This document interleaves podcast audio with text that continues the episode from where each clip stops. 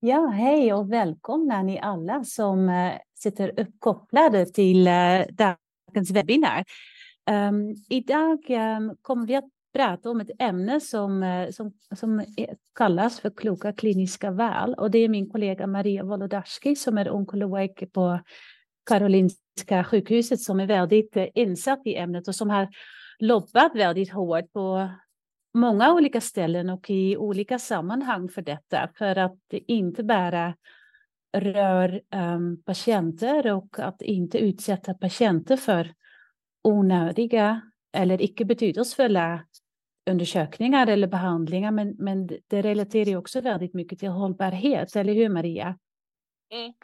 Och um, Ja, och um, vi har ju haft um, skrivelser om det i cancerläkarens uh, tidning till exempel också, men uh, för mig är det oerhört värdefullt att du är här och vill dela med dig den här budskap som är så viktigt uh, för alla onkologer och andra som, som jobbar med, med, med cancer och onkologi. Så jag är jätteglad och tacksam att du var beredd att ställa upp och dela med oss dina insikter och kunskap kring detta. Så Tack Maria och varsågod. Tack så jättemycket. Eh, vilken fin inledning Renske. Tack. Jo men jag börjar, eh, ska vi se. Jag kan bara, medan du fokuserar på att dela din skärm kan jag bara säga till alla som är uppkopplade, ställ jättegärna frågor eh, och, eller diskussionsämnen så vi kan prata om det. Då blir det ännu roligare och eh, ännu mer lärorikt för oss alla. Varsågod. Mm. Tack Maria. Ja, tack. Ehm, men jag, eh, jo precis som Renske säger så min eh, fot in i det här då eh, var via mitt hållbarhetsengagemang som jag haft ett antal år nu. Ehm, och då kunde jag kanske liksom inte ibland se någon koppling till det här hållbarhetsengagemanget direkt till onkologi. Jag, jag funderade liksom mycket över allt slöseri som görs inom vården liksom i vår önskan att liksom göra gott för patienten men som faktiskt får till följd att vi med när vi använder läkemedel liksom i onödan som ju faktiskt gör ibland att det blir en miljöpåverkan som faktiskt påverkar människor här och nu i någon annan del av världen. Och sen i och med sjukvårdens liksom ganska stora utsläpp då eh, som är ungefär så där globalt eh, 5 av alla koldioxidutsläpp ungefär, eller växthusgasutsläpp ungefär så, så kommer vi ju påverka framtida generationer. Så det här funderade jag mycket över eh, och eh, så kom jag i kontakt med den här eh, rörelsen då inom Läkarsällskapet, eh, en arbetsgrupp Kloka kliniska val Um, och då var det som att saker liksom föll på plats lite grann. Och, och det här har ju, som jag ska säga, så egentligen ingenting med, från början inte en klimatkampanj eller en besparingskampanj, utan att vi ska göra saker som är sant nödvändiga för patienternas skull. Men nu faktiskt inom eh, ja, den här hållbarhetssvängen då, eller vad man ska säga, så börjar man liksom eh, diskutera det här väldigt mycket som en, eh, ett av liksom benen i att nå mot framtida hållbara hälso och sjukvårdssystem faktiskt. Så att det här har blivit ganska uppmärksammat och man har sett också att om man gör kloka kliniska val då, som gagnar patienter så leder det också till liksom minskade utsläpp från, från sjukvården som ju indirekt gagnar patienter också eftersom eh, klimatförändringar hör ihop med eh, hälsopåverkan. Ehm, så att jag tänkte dela med er vad, vad jag har lärt mig det senaste året lite drygt som jag har varit engagerad i det här också då. Och jag jobbar precis som Renske på eh, man vet knappt vad det heter numera, men det heter Tema Cancer eh, och vi jobbar på Karolinska eh, sjukhuset i Solna. Eh, och jag arbetar mycket inom slutenvården eh, och är ST-chef inom onkologi också sedan eh, snart ett år tillbaka. Ehm, ja, men vad menar man då med, med kloka kliniska val? Ehm, ja, men rent generellt så är det liksom ehm, eh, reflekterade utredningsplaner då och behandlingsbeslut som är tagna och baserade på bästa tillgängliga evidens eh, och som är tagna då faktiskt efter ökad dialog med patienten och med hänsyn till patientens eh, personliga preferenser ehm, och där man belyst både fördelar men också nackdelarna med att utreda och även behandla. Så att det, det, det, ska liksom främja en dialog med patienten och en öppenhet vad faktiskt behandling kan leda till för negativa saker också. Ehm, och ja, men vi vet ju att ibland gör vi för mycket eh, och ibland gör vi faktiskt för lite för den enskilde patienten också, så att kloka kliniska val är inte alltid liksom att avstå från saker, utan ska vara sånt som är beslut tagna på liksom bästa tillgängliga evidens då, som gagnar patienten, även om det i vissa fall kan vara mer kostsamt. Ehm, och det finns då studier som eh, visar att, att vi gör väldigt mycket i onödan inom sjukvården, att till uppemot en tredjedel av det som utförs i sjukvården faktiskt, vården faktiskt inte gör någon nytta. Ehm, och eh, en femtedel av eh, våra hälso och sjukvårdskostnader kan vara bortkastade pengar. Ehm, så att vi har ju liksom en sjukvård som ökar hela tiden med kostnader eh, och en befolkning som, som ökar också och ökar där eh, genomsnittsåldern också blir eh, ökar så att, så att vi kommer ju att kanske inte kommer att kunna ha råd att ha den här sjukvården som vi har haft tidigare då. Um, och man kan också se liksom i studier att sjukvårdens ökande kostnader de korrelerar liksom ganska dåligt med förbättrade hälsoutfall då globalt och att den här relationen mellan eh, sjukvårdskostnader och utfall som liksom förväntad livslängd och död är ganska komplex då. Och man har sett att sjukvårdsutgifter är liksom inte den huvudsakliga egentligen bestämmande faktorn då för livslängd vid födsel, utan det är mer liksom sociala skyddsutgifter som är det. Um, och då undrar man, har, har vi liksom råd att eh, fortsätta på det viset och ha den vård som vi har haft lyxen att ha hittills? Ehm, regeringen i Norge kom med en prognos då för ett tag sedan att en av tre måste arbeta med hälsa och omsorg 2060 om vi ska följa den här vårdutvecklingen.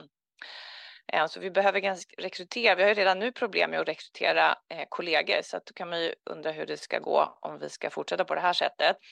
Ehm, och här kan vi se Ska vi se om jag hittar en pekelpek där. Eh, så.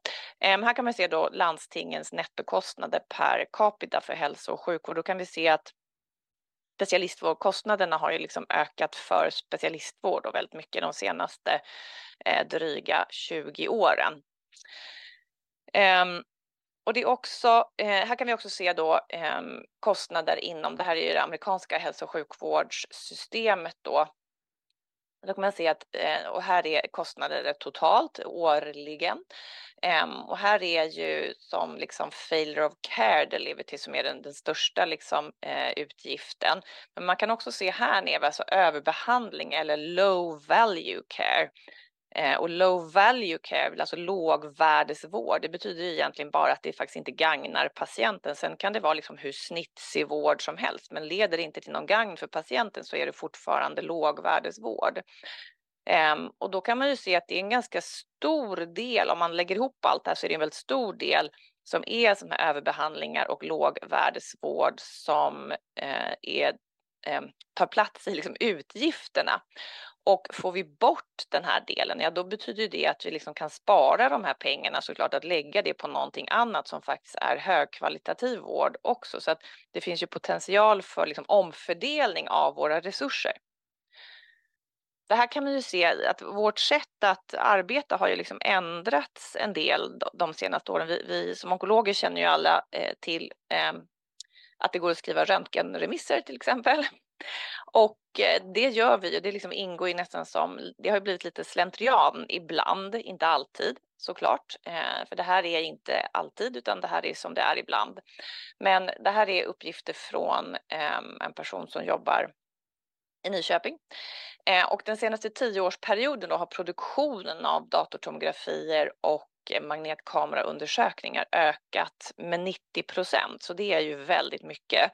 Eh, och det är ju inte säkert att all, all den här ökningen eh, består i att det är undersökningar som verkligen är indicerade. Eh, och det får ju till följd då såklart att det är väntetider. Väntetider i, i, på det här stället i Nyköping då är på magnetkamera upp till nio månader och datortomografi upp till tre månader. Så att då är det då eh, patienter som verkligen är i behov av de här eh, undersökningar för att kanske komma snabbt till diagnos eller så, ja då, då, får ju de vänta. Så då får ju det till följd att det blir liksom orättvis eh, vård eller det blir snedfördelning helt enkelt. Så att vi eh, ehm, kanske behöver fundera på hur och när och varför vi remitterar patienter till eh, radiologiska undersökningar helt enkelt. Um, ja, eh, vårt sätt att liksom förhålla oss till, till kunskap och hur vi ser på kanske det kliniska mötet har också kanske liksom ändrats de senaste åren. Ehm, och Aristoteles delade in eh, kunskap då i tre delar, episteme, tekne och fronesis där episteme är Eh, som vetenskaplig kunskap som är giltig i de flesta sammanhang då som till exempel medicinska riktlinjer eller vårdprogram eller studieresultat. Och teckne är mer praktisk kunskap som inte liksom kan tillgodoses via skriftliga källor utan kräver liksom upprepning och träning som handlaget hos en kirurg då eller en endoskopist till exempel. Och frånesis är det personliga omdömet, alltså hos individen som utför vissa saker då.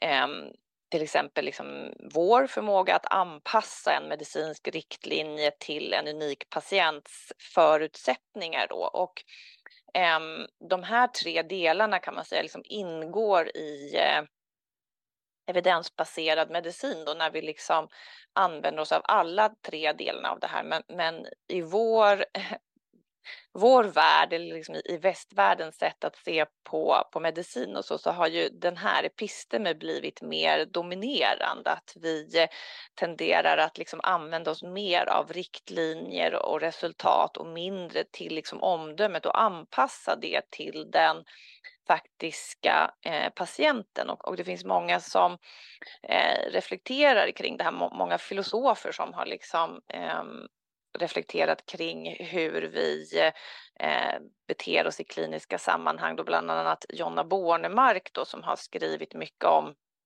ja, det mätbara samhället och där hon reflekterar kring, kring medicin och så. Och för att göra bra kliniska bedömningar så behöver vi egentligen alla de här tre delarna då. Ehm, och de ingår ju också som, som jag nämnde då i, i begreppet evidensbaserad medicin.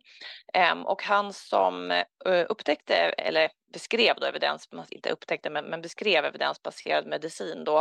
Eh, han sa att good doctors use both individual clinical expertise and the best available external evidence and neither alone is enough and without clinical expertise practice risk uh, practice risks becoming tyrannized by external evidence for even excellent external evidence may be inapplicable or inappropriate for an individual patient. Och det vet vi ju att eh, medicinska riktlinjer, om vi liksom bara följer dem som en kokbok utan att anpassa dem till patienten, det blir inte alltid gott. Eller för den del liksom studieresultat om man inte anpassar det till våra patienter i verkliga livet. Då. Um, och om vi följde riktlinjer då, det skulle ju vara väldigt enkelt och då kanske liksom det var saken var biff om, om vi gjorde det. Men det, det, här ska liksom visa vad som kan hända om vi liksom följer, för det finns ju väldigt, väldigt många riktlinjer. Det är ju inte bara en riktlinje som ska följa, för då kanske det skulle funka då. Men om man till exempel då skulle följa europeiska riktlinjer för hypertension, då skulle det gå att 99 husläkare per 100 000 invånare i England är det här gjort på då, för att endast behandla eh, högt blodtryck. Och om man skulle följa NICE riktlinjer då för livsstilsinterventioner så skulle det gå åt 420 eh, husläkare per 100 000 invånare i eh, England för att endast eh, följa då eh, livsstilsintervention. Och då är problemet då att det finns liksom 100 husläkare per 100 000 invånare i England. Så att, för det är ju ofta så att riktlinjer kan tendera att eh, leda till fler åtgärder om man liksom inte reflekterar kring riktlinjerna och, och behandlar dem för just vad de är, riktlinjer, inte liksom lagböcker. Um, och vad är då? För det, jag tyckte det var liksom svårt att veta, men vad är det vi, vi gör för mycket då? Ja, men medicinsk överaktivitet kan man liksom beskriva på lite olika sätt, men här är ett, ett sätt att beskriva det då. Och då är det att det är överutredning eh, och det betyder att man diagnostiserar eller remitterar eh, någonting då som med hög sannolikhet inte kommer att ge någon betydelsefull information. Eh, till exempel när, när man skriver en CT-remiss, liksom man säger, ja, men vad ska jag göra? Ja, men jag gör en CT.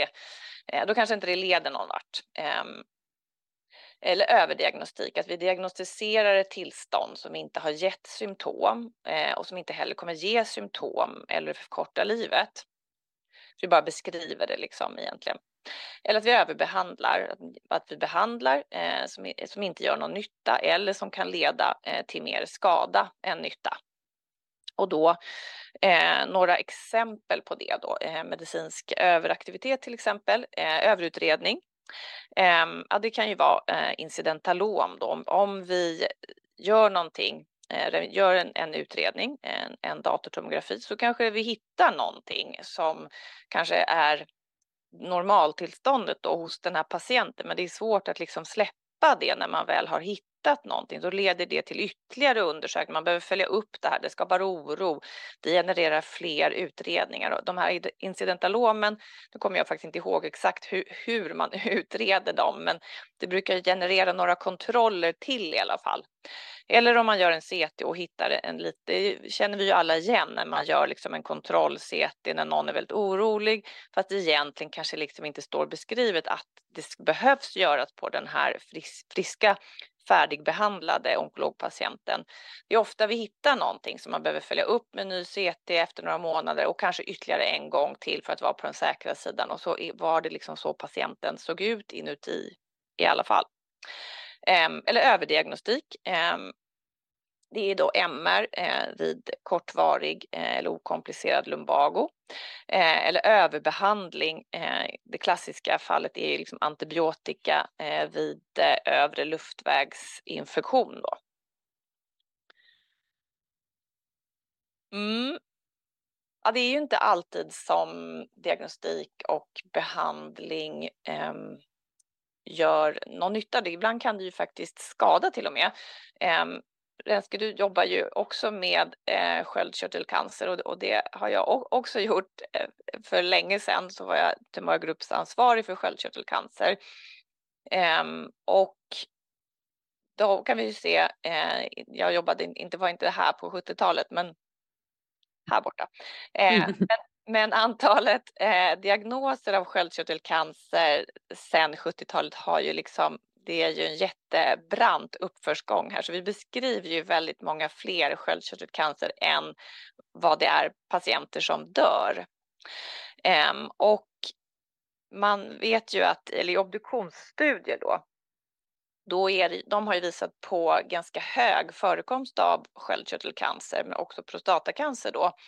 Ehm, så att det är ju många patienter som, eller många av oss som faktiskt dör med en sköldkörtelcancer och inte av en sköldkörtelcancer. Så ibland, och den här kan ju tyckas att den här behandlingen vid sköldkörtelcancer är ganska snäll. En operation och radiojod, sen högdoslevaxin. Men jag minns ju väldigt väl hur liksom dåligt de här patienterna mådde av högdoslevaccin i liksom olika antal år och det leder ju faktiskt också till ibland påverkan, hjärtpåverkan hos en del patienter.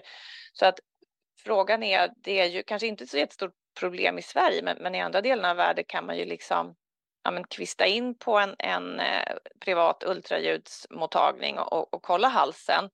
Och då kanske man hittar en, en sköldkörtelcancer som faktiskt aldrig hade, hade gett den här patienten några symptom eller liksom att den här kanske hade levt där utan att patienten hade behövt behandlas. Så att frågan är om vi alltid gör så mycket gott med, med våra behandlingar. Det är ju en svår fråga såklart, men eh, det är inte alla saker som, som man kanske ska eh, efterbehandla. Eh, och mannen som upptäck, upptäckte PSA då, han eh, sa ehm, på apropå i den här banan då. I never dreamed that my discovery four decades ago would lead to such a profit-driven public health disaster. The medical community must confront reality and stop the inappropriate use of PSA screening. Um, och det här är ju liksom inte uh, syftet med att, att jag är för eller emot screening, börjat liksom lyfta tanken att, att vi har väldigt många eh, metoder eh, och undersökningsmöjligheter nu för tiden som och vi, tanken är ju liksom god att, att vi ska upptäcka någonting tidigt men, men det är kanske inte alltid bra att göra det. Om det faktiskt kanske inte hade eh, lett till någon påverkan på individens eh, liv i långa loppet. Ehm, eh, lungembolier eh, är väldigt obagligt. Ehm, och det eh, vet vi ju eh, alla att, att det utreds väldigt mycket. Ehm, och den här eh, bilden visar eh, sedan mitten av 90-talet och till ja, ganska många år sedan nu, men ändå eh, att i slutet av 90-talet då började man använda sig mer eh, av en viss typ av undersökningsmodalitet då på röntgen. Jag, jag tror att det motsvarar CT-lungembolier. Eh, och då kan man ju se att antalet beskrivna fall av lungembolier ökade sedan mitten av, av eh, slutet av 90-talet då, men, men dödligheten eh, av lungembolier oavsett liksom grundorsak har varit densamma. Eh, och det som, det, det används ju den här CT-lungembolier väldigt frikostigt och, och frekvent skulle jag säga eh, på akutmottagningar för att när jag, jag lärde mig ehm, ja, inom början när jag började på onkologen och när man gjorde AT och så också att man framförallt på onkologen att aha, om man en gång tänkt tanken lungemboli då, då kan man liksom inte då måste man liksom löpa linan ut. Men nu när vi har de här liksom fina tekniken då kan vi ju eh, diagnostisera eller detektera lungembolier som är väldigt små, som sitter liksom i väldigt små kärl. Så att frågan är behöver, och det är ju ofta, eller inte ofta, utan jag skulle säga i stort sett alltid som vi ju sätter in fragmin i liksom terapeutisk dos till de patienterna. Men man kan ju undra om det verkligen behövs, om det är någonting som, som vi hjälper patienten med. För parallellt med det här, och, och det ska vara, det är samma eh, eh, samma axlar här, eh, så kan vi ju se också att komplikationer av antikoagulantiabehandling har liksom ökat så att vi, vi gör ju någonting, utsätter också för risker med, med eh, behandlingen. Eh, så att vi kanske behöver eh, tänka efter innan den här andfåddheten kanske kan ha varit någonting annat än en lungemboli om vi liksom, eh, vid anamnes och så. Ehm, och vi behöver fundera på vad det är eh, vi verkligen gör med behandlingar. Ehm, och våra behandlingar då, eh, cancerbehandling, ehm, är ju, det vet vi ju alla, eh, framförallt till sköra individer då, inte alltid av ehm, inte alltid till godo, inte till gagn för patienter. Eh, och time toxicity då, alltså toxicitetstid av behandlingar, det, det har vi inte varit, haft för vana att ha så mycket, eh, vare sig i den kliniska vardagen eller inte som ett mått i studier heller tror att man använder sig mer av det inom geriatriken om, om jag inte har fel. Men det kan jag absolut ha. Eh, men den här eh, bilden, eh, jag tänkte bara gå igenom den ljusgrå, om den nu är ljusgrå för er också, men jag tror det. Ljusgrå delen för att liksom visa, för vi tittar ju oftast liksom på överlevnad eller att vi förlänger tiden till progress eller så. Och det här time toxicity tar vi ju sällan med i beaktning då. Men då är de här två studierna, eller den här studien i alla fall, för jag tänkte bara ta den här då, ABC06, eh, som jag inte är bekant med i detalj, men det är i alla fall en studie vid avancerad eh, gallgångscancer, andra linjens behandling. Och då eh, blev man då Eh, fick man komma i arm 1 eller arm 2. Eh, och arm 1 är Folfox och arm 2 är Best Supportive Care. Och då ser vi då att nej, men det går ju faktiskt jag kan inte säga jättemycket, men i vår värld är det väl i alla fall ganska jättemycket vid den här typen av diagnos. 6,2 jämfört 5,3 månaders förbättrad överlevnad. Och det är ändå 27 dagar med den här svåra diagnosen i andra linjen. Och det, det tycker jag, det är 27 dagar är ju mycket om, om man snart ska, ska dö.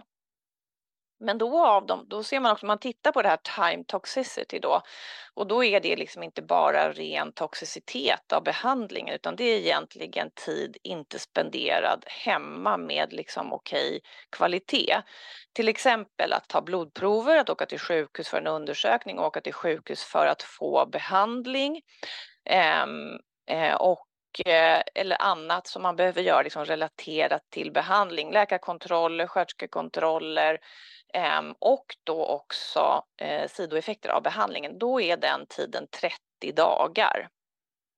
Så det är ju ganska mycket tid av de här vunna dagarna som faktiskt inte liksom spenderas eh, av att ha sin sista tid i livet. Ehm, och det kanske är en del som, som vill, som, som är, liksom, är beredda att, att ta den de här dagarna fram och tillbaka för prover och så eh, för att ha en längre tid. Men om vi liksom inte informerar om det, då har man ju inte en möjlighet att avstå om man vill.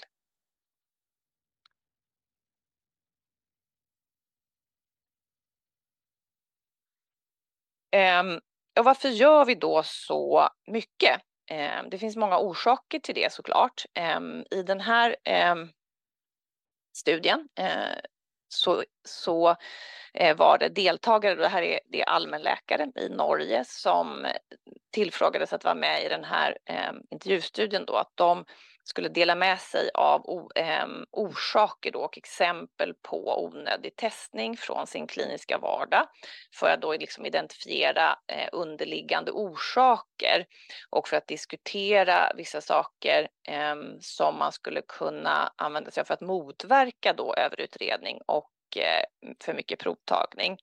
Och då kom det fram då i den här studien att de, de här samtalen att eh, man är for, de flesta som var med i det här då, ganska liksom stark påtryckning att upptäcka eh, någon form av sjukdom liksom tidigt och att man ville möta patienten och anhörigas krav då på utredning. Och Så bedömde man att nej, men vad kan man göra för att liksom det inte ska vara på det här viset? Då, då tyckte man att man skulle liksom dela med sig mer öppet av, av osäkerhet, att, att vi har liksom inte svar på allting ehm, och att, att Eh, och felbarhet då med, med patienter och kollegor för att liksom minska eh, risken eller att, att vi gör så mycket undersökningar och utredningar.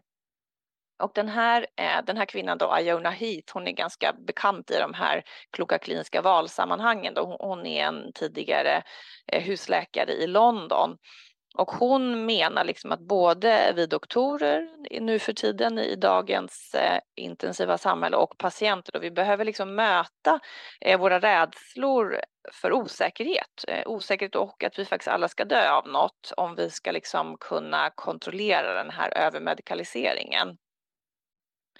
Ehm, och eh, den här mannen då eh, också eh, norsk eh, beskriver i den här texten då att too much technology.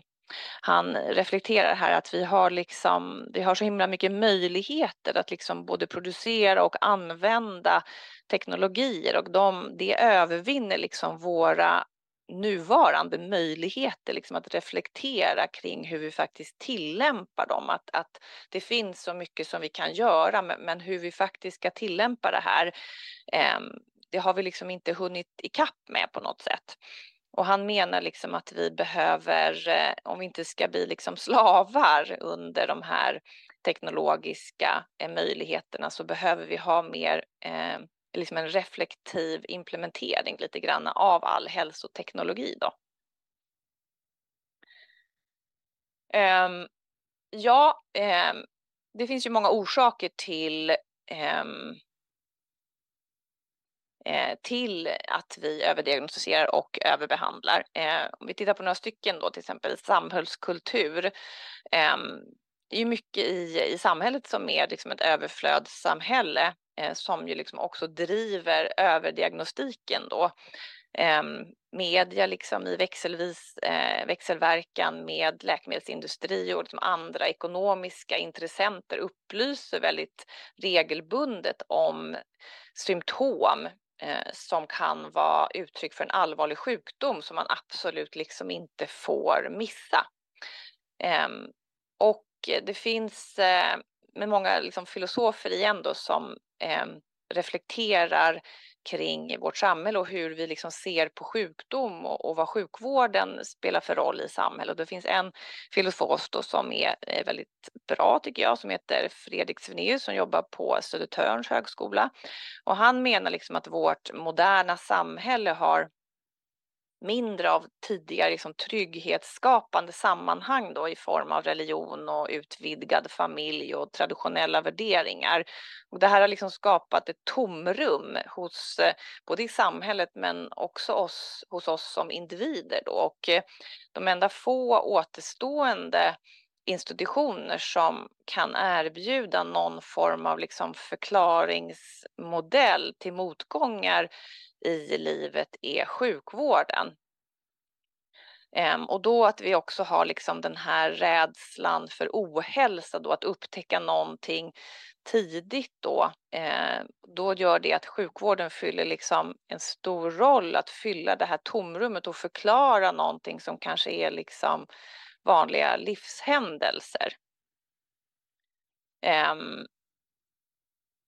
och så har vi liksom, det, det, är mycket eh, tillgång på sjukvårdsupplysning som, som vi har hela tiden då. Ehm, och att vi inte förstår så mycket av egenvård och så längre utan vi, vi liksom tyr oss till eh, sjukvård, sjukvården. Ehm, och så har vi, ehm, om man tittar då på, på patienter då tror, har ju de också en övertro liksom på tester och har den här osäkerheten då kring egenvård och så. Och definitionen då av, av patient har också på något vis ändrats de senaste åren. Den eh, har påverkats liksom av, av gränsen också mellan behov och efterfrågan som ju driver sjukvården också. Eh, och det har liksom suddats ut och man beskriver, en del beskriver då att eh, det finns ett illa befinnande, som ett illness inom engelskan eh, och att det har liksom det är svårt att skilja det här, skilja det här illness och eh, det som är liksom en biomedicinskt avgränsad sjukdom som, en, som är disease då. Och det här liksom gränslandet mellan de här två, illness och disease, har liksom suddats ut Och i vår, i västvärlden så eh, dominerar ju liksom vår eh, tolkning av sjukdom att det ofta orsakas av någonting biomedicinskt. Då, så att då medför det också att det finns liksom en stark tilltro till förklaringsmodeller som använder då provtagning eller bilddiagnostik och att det gör också att det driver liksom att vi diagnostiserar saker som kanske liksom är, är helt ordinära eller att det liksom finns under en tid och sen går bort av sig själv.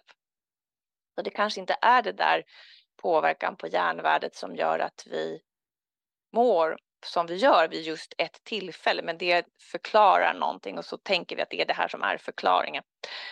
Um,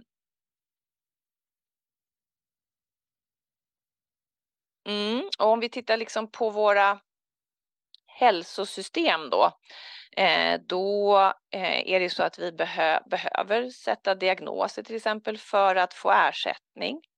Eh, DRG, ju fler koder desto mer ersättning och då behöver vi ju ibland sätta diagnoser ehm, som för, att förklara liksom vad vi har gjort under ett visst vårdtillfälle till exempel som kanske inte spelar eh, som, som, som i vår värld, inom, liksom när vi är här på sjukhuset, är det för att, att förklara vad vi har gjort, men för patienter så betyder det ju en annan sak. Så det här genererar också att vi behöver eh, diagnostisera saker.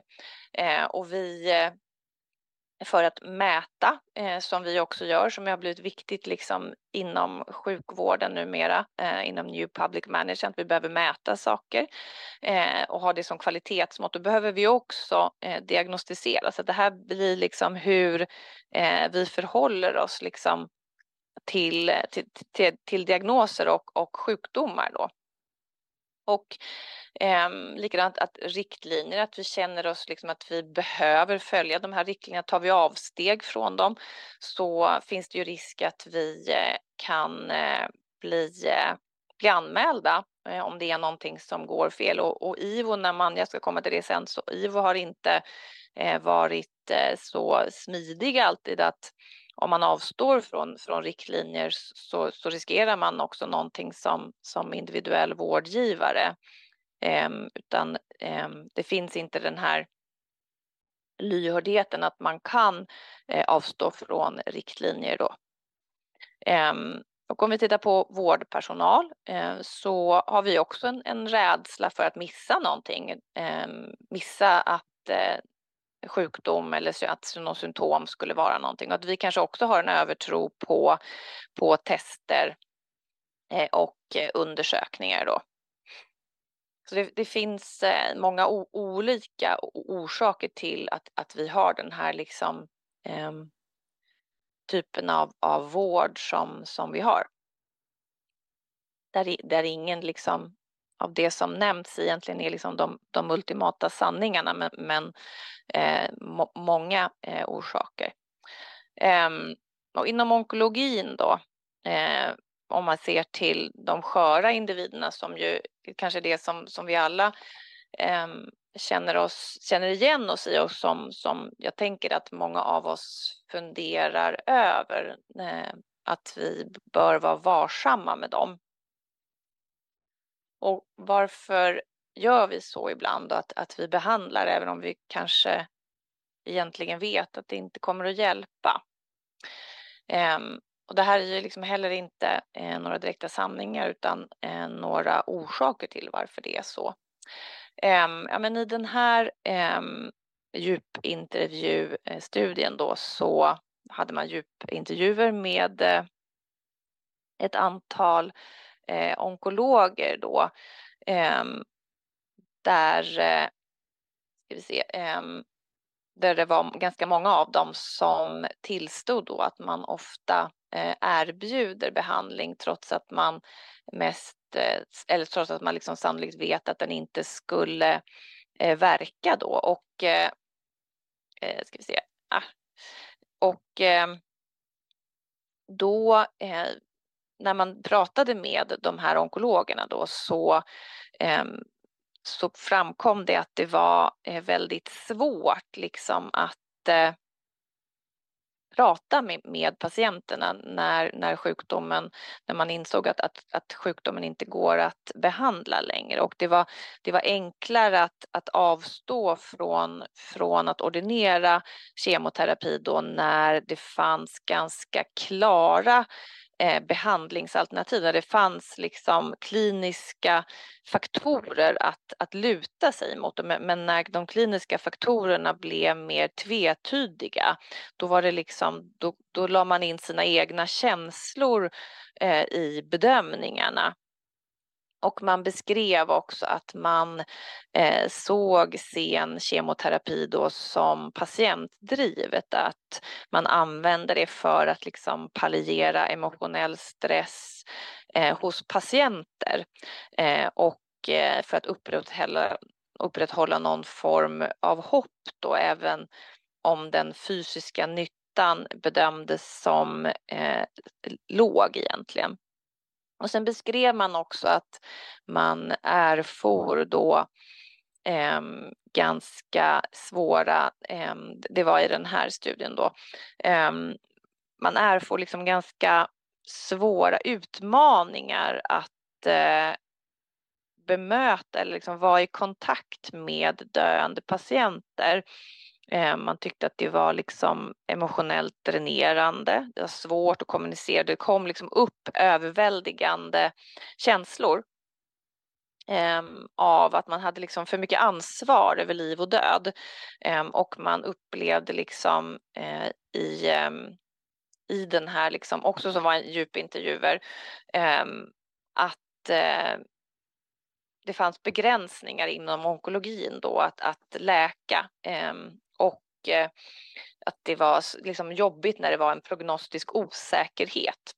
Och då när man kunde ordinera cytostatika, då liksom lättade de här överväldigande känslorna och den här känslan av att ha för mycket ansvar över, över liv och död. Så det blev liksom ett verktyg för, för dem själva egentligen att komma ifrån de här jobbiga känslorna som dök upp. Um, och här är också en, en annan uh, review då. Um, om att läkare, att vi var, där framkom det att vi är ganska färgade eh, i vår bedömning då av fördelar av behandling. Ehm, och att vi kan komma att rekommendera behandlingar om det liksom föreligger vissa potentiella fördelar oavsett liksom kostnader egentligen. Eh, och att vi kan rekommendera behandling istället för att faktiskt prata om meningslösheten då av ytterligare behandling. Så det är ju väldigt svårt det här för oss alla. Eh, både för oss och för, för patienter. Så att eh, vi behöver ju reflektera kring varför vi gör det vi gör ibland. Mm. Och om man eh, i Norge eh, har man jobbat mycket med det här kloka kliniska val då. Eh, och innan, det var en nationell kampanj eh, som eh, också riktade sig till allmänheten och innan man startade den här nationella kampanjen så gjorde man en del enkäter. Eh, och eh, då i den här enkäten så frågade man 1500 läkare om, om man såg överbehandling eller överutredning inom den norska hälso och sjukvården och då var det i den här, här enkäten då barnläkare, eh, radiologer och allmänläkare. Och då var det ganska många som tyckte att man såg det. Och åtta av tio beskrev det som ett problem då och två av tre tyckte att man överbehandlar själv. Ehm, och en, en orsak då till att vi liksom överbehandlar själva kan ju vara liksom det här begreppet, och man säger the therapeutic illusion, det är att vi liksom tror att våra ansträngningar och liksom medicinska insatser är mer effektiva än vad de faktiskt är. Att vi har liksom en, en övertro på att det vi gör spelar roll. Um, och här då de, de viktigaste orsakerna till varför man, man eh, överbehandlar, det var samma tillfrågade, då den här anledningen som också som kom upp bland de här allmänläkarna tidigare, det är det att man känner att det finns en påtryckning från patient eh, och anhöriga att liksom upptäcka någonting i tid då. Och då kan man ju fråga sig, är det ett så stort eh, problem då egentligen det här med påtryckande patienter? Men det, det känner vi ju alla igen oss i. Men då hittade jag ändå en en studie i alla fall kring det här. Och det var en, en studie som man har gjort i Philadelphia då för att utvärdera patienters krav eller önskningar då på medicinska tester eller behandlingar och vad patienterna kräver eh, och den kliniska rimligheten i de här kraven då, hur ofta klinikerna faktiskt följde de här och då var det en intervjustudie som man hade gjort på en onkologklinik då i Philadelphia där man efter mottagningsbesök med patient och anhöriga tillfrågade läkare och sköterskor om patienterna hade då krav eller önskningar och typen av de här och lämpligheten i de här kraven och önskningarna och hur ofta man faktiskt följde det. Och då framkom det Eh, för den här gruppen då eh, att eh, patientkrav eller önskningar förekom faktiskt i knappt 9% av mötena. Och av dem så bedömde klinikerna att de flesta av dem faktiskt var rimliga och orimliga krav förekom i, bara 1 av de här mötena och då följde man faktiskt dem väldigt sällan. Så det här är nog ganska dubbelt också att vi upplever att det finns krav. Det kanske är vi själva som har krav också på att liksom göra någonting hela tiden. Och choosing wisely, vad, vad, är det för någonting då? Eller kloka kliniska val? Ja, men det började 2010 med den här artikeln som skrevs av Howard Brody som var husläkare eller allmänläkare, eh, numera är professor i medicinsk etik. Eh, och han skrev den här artikeln som publicerades i, jag tror att det var New England Journal of Medicine. Eh, och den blev väldigt uppmärksammad och då argumenterade han i den här artikeln för att vi inom läkarprofessionen har liksom ett ansvar att använda våra resurser så effektivt som möjligt så att, fler, så att flest möjliga patienter kan få vård. Och han hävdade då också att det fanns många regionala variationer i liksom hur vi använder undersökningar. Eh, och behandlingar och att det beror på att vi inte då praktiserar evidensbaserad medicin. Så han föreslog eh, i den här artikeln att varje amerikansk då, eh, specialitetsförening skulle identifiera fem onödiga åtgärder som, som var då i allmänt bruk trots att det inte fanns någon dokumenterad patientnytta. Och så skulle, föreslog han också att man skulle utarbeta planer för hur man skulle utmönstra de här åtgärderna.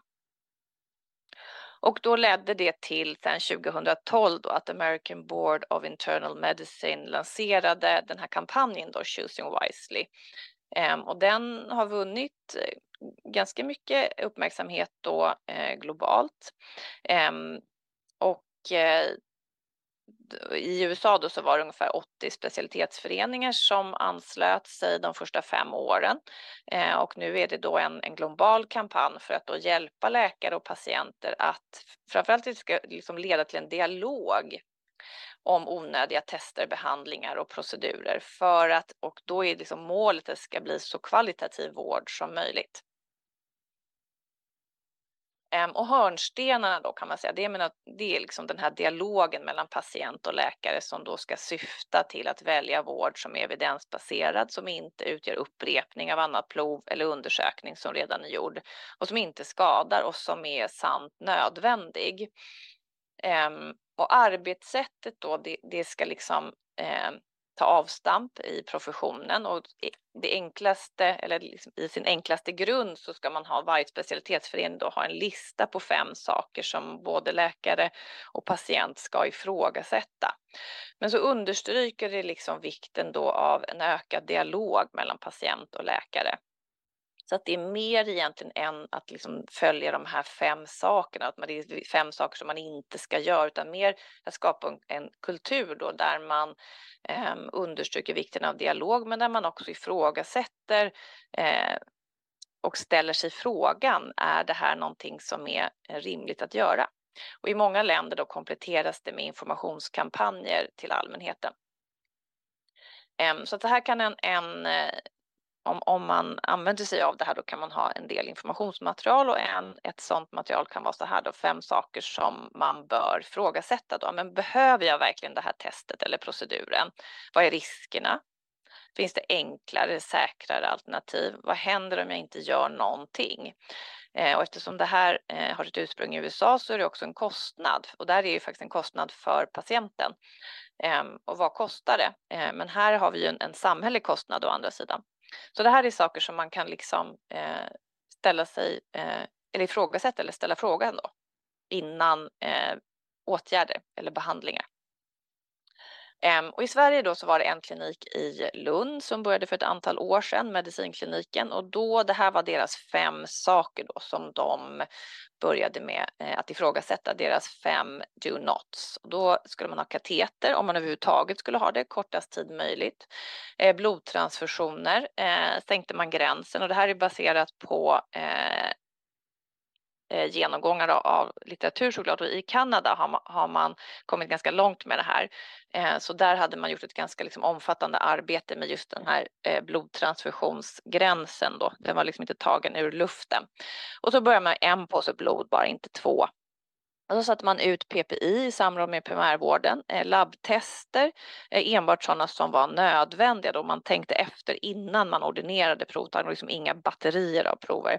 Och se till skalle gjordes inte vid svimning om man inte hade några associerade neurologiska symptom då.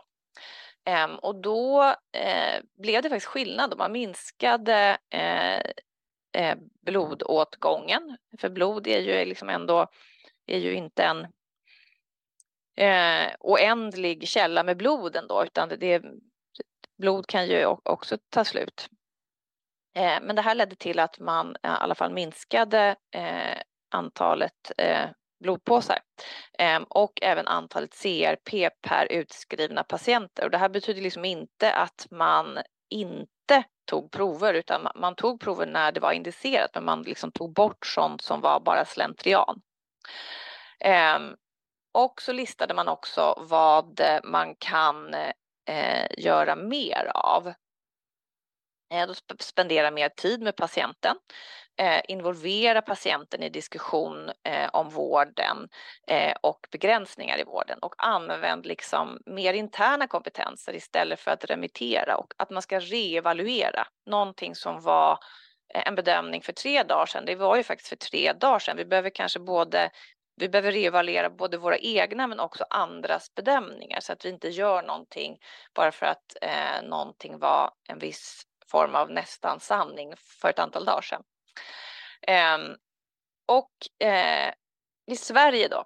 Jo, men i SLS, alltså Svenska Läkarsällskapet, eh, så kom det bara då en motion från ett antal medlemsföreningar och Eh, enskilda motionärer då att man skulle, att man vill liksom sondera förutsättningarna för att införa en sån här eh, Choosing Wisely-inspirerad kampanj i Sverige.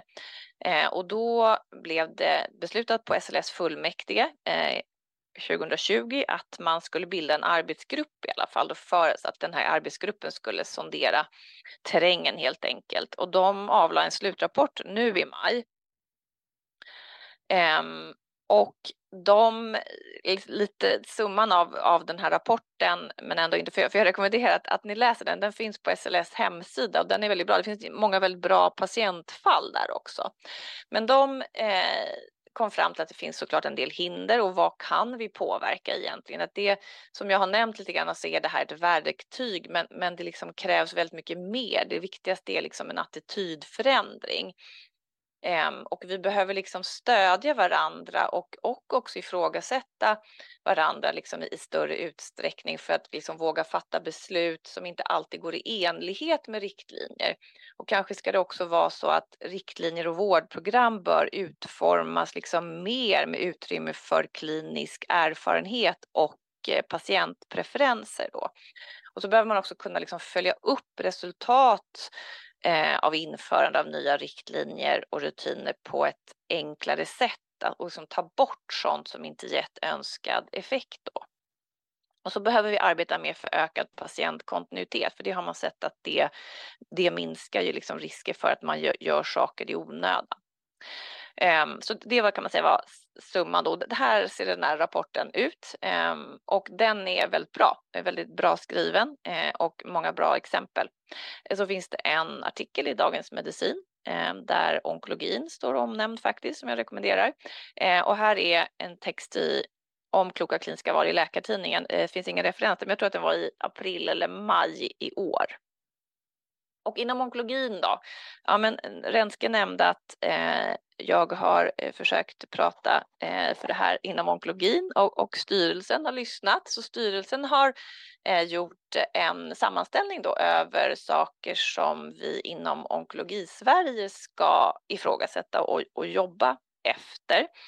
Eh, och då har det en sammanställning kan man säga av vad som ASCO eh, har listat. De har listat tio saker eh, och vad Norsk onkologisk förening har listat och eh, onkologisk förening i Kanada då.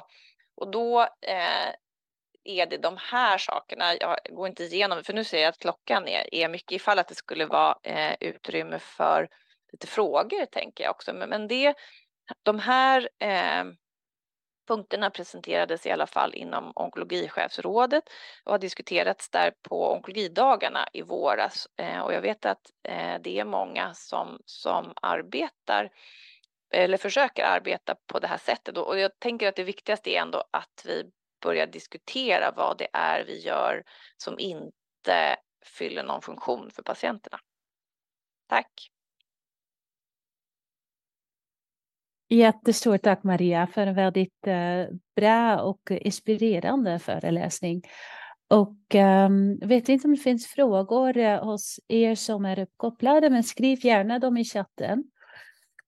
Um, jag tänkte att um, bara fråga, hur, hur tycker du Maria, för, för det här är väldigt konkreta rekommendationer, absolut, men du jobbar själv kliniskt och du vet hur det är i kliniken. Hur hur rekommenderar du att man kan börja på det här sättet med det här kloka kliniska val i åtanke? Utan att det direkt blir... För det är ett sätt, man ska tänka om på något sätt när man planerar. Det är så lätt, så lätt att bara klicka på en undersökning, att lägga till några blodprover. Mm. Har du några praktiska tips? Um, Nej, men alltså det, det, nu jobbar jag inom slutenvården, då, men, men, en sak som är väldigt enkel är det här med, med blodtransfusioner. Eh, så man faktiskt känner att man, man det är ju väldigt, en väldigt liten sak, men man måste, man måste ju börja med, med liksom lågt hängande frukter. Då. Eh, att eh, välja en eh, blodpåse istället för två. Och sen tror jag bara att man Um, nej men om, att man tänker att nej men vad, vad, vad, tänker jag mig att jag ska få försvar? Att, att man försöker liksom för sig själv beskriva en motivering till varför man gör saker. Vad, om jag beställer, vad är frågan med den här eh, undersökningen? Vad, eh, vad tror jag, eller, liksom, vad är, eller vad, motiveringen till varför man gör saker? Ibland kan man ju se framförallt kanske patienter som läggs in, att det är liksom, eh, jag ska inte säga så mycket från, från, från våra onkologkollegor här av patienter som läggs in, men om man kommer från eh, kanske från akutmottagningen där det inte är onkolog, då är det liksom tio frågeställningar på en CT och, och då kanske det är så här, ja, men då kanske man ska tänka varför man gör den här eh, undersökningen. Vad, hur kommer den att hjälpa mig? Eller är det så att ja, men, om det blir ett negativt utfall eller ett positivt utfall på en undersökning eller en provtagning, behöver man då liksom göra den om det inte ändrar, om jag bara gör den här jag har en plan som jag ska göra och så beställer jag någonting. Ska jag då göra det liksom och jag ändå har liksom bestämt mig för att det här, att jag liksom bara på något vis gör någonting för att ha det gjort. Mm, mm. Ibland säger man... då har vi i alla fall gjort det, men, men är det bra då? Så man, man ska egentligen i förväg tänka, vad kommer jag att göra med sväret? Ja, Precis. Vad blir näst, nästa steg ja. baserat på sväret? Och om ja. man vet att man inte kommer att göra någonting annat, ja. då ska man egentligen inte göra, inte göra den där undersökningen. Nej, kanske inte. Ibland mm. kanske man behöver det. Ibland behöver man ju liksom Ibland behöver man ju bekräfta för att kunna prata med patienter att det är progress och så, även om man liksom mm. kliniskt bedömer. Ibland går ju inte det. Nej, ibland kanske det går. Eh, alltså, alltså det kommer en fråga, många patienter bortom behandling Eh, Eh, som har avslutat behandling önskar radiologi för att prognostisera eller titta på progresshastighet för att kunna planera sitt återstående liv. Hur tänker du kring det? Men jag tänker att det är olika från, det är ju det här det individuella kommer in med patientens liksom preferenser och så att en del, man kanske ska lyfta frågan eh, om man bara gör det liksom alltid för att, att man alltid gör en CT, men om man faktiskt tänker så här, men vad, vad vad, tänker, vad tänker vi med den här undersökningen? För det är ju inte alltid det går att prognostisera tiden kvar ändå och ibland eh, jag tänker att man, man behöver ha, eller i alla fall liksom lyft, lyfta fråga med patienterna tillsammans. Vad ska vi göra med det här? Vill du veta? Mm. Ehm, mm. Mm. Sen, jag tror absolut, det, det, är ju, det behövs ju. Och, och vi gör ju alla eh, liksom onödiga saker där man tänker att ah, den där behandlingen blev ju inget bra liksom. Um, ja. så det, men jag tror också att vi, vi behöver dela med oss när vi gjorde för mycket, för vi delar ju ofta med oss liksom gärna så här, när andra gjorde för lite. Mm, mm ganska generösa med att säga nej men där skulle man ju ha, varför gjorde man inte den här undersökningen eller den här, men vi behöver också liksom dela med oss när vi eh, gjorde för mycket, för det tror jag också kan liksom göra att, att det blir en spärr som, som släpper. Ja, det, det, det är mycket annat intressant som relaterar till detta som jag gärna skulle diskutera, men jag tror nog att vi ska avsluta nu, för det är snart klockan 13 och då jobbar alla igen med patienterna. Um, ett jätte, jättestort tack till dig Maria som uh, har delat med oss dina insikter och idéer och tips. Väldigt värdefullt. Så stort tack och stort tack till Mediahuset men framförallt till alla er som tittade. Jag hoppas att det här var givande. Vi ses igen om två veckor. Den 5 december ska vi prata smärtlindring hos um, um, Eh, palliativa cancerpatienter med Per Fürst som är eh, överläkare på Stockholms sjukhem. Och det kommer att komma en inbjudan eh, i e-mail för detta. Så stort tack från mig och ses nästa gång. Hej då!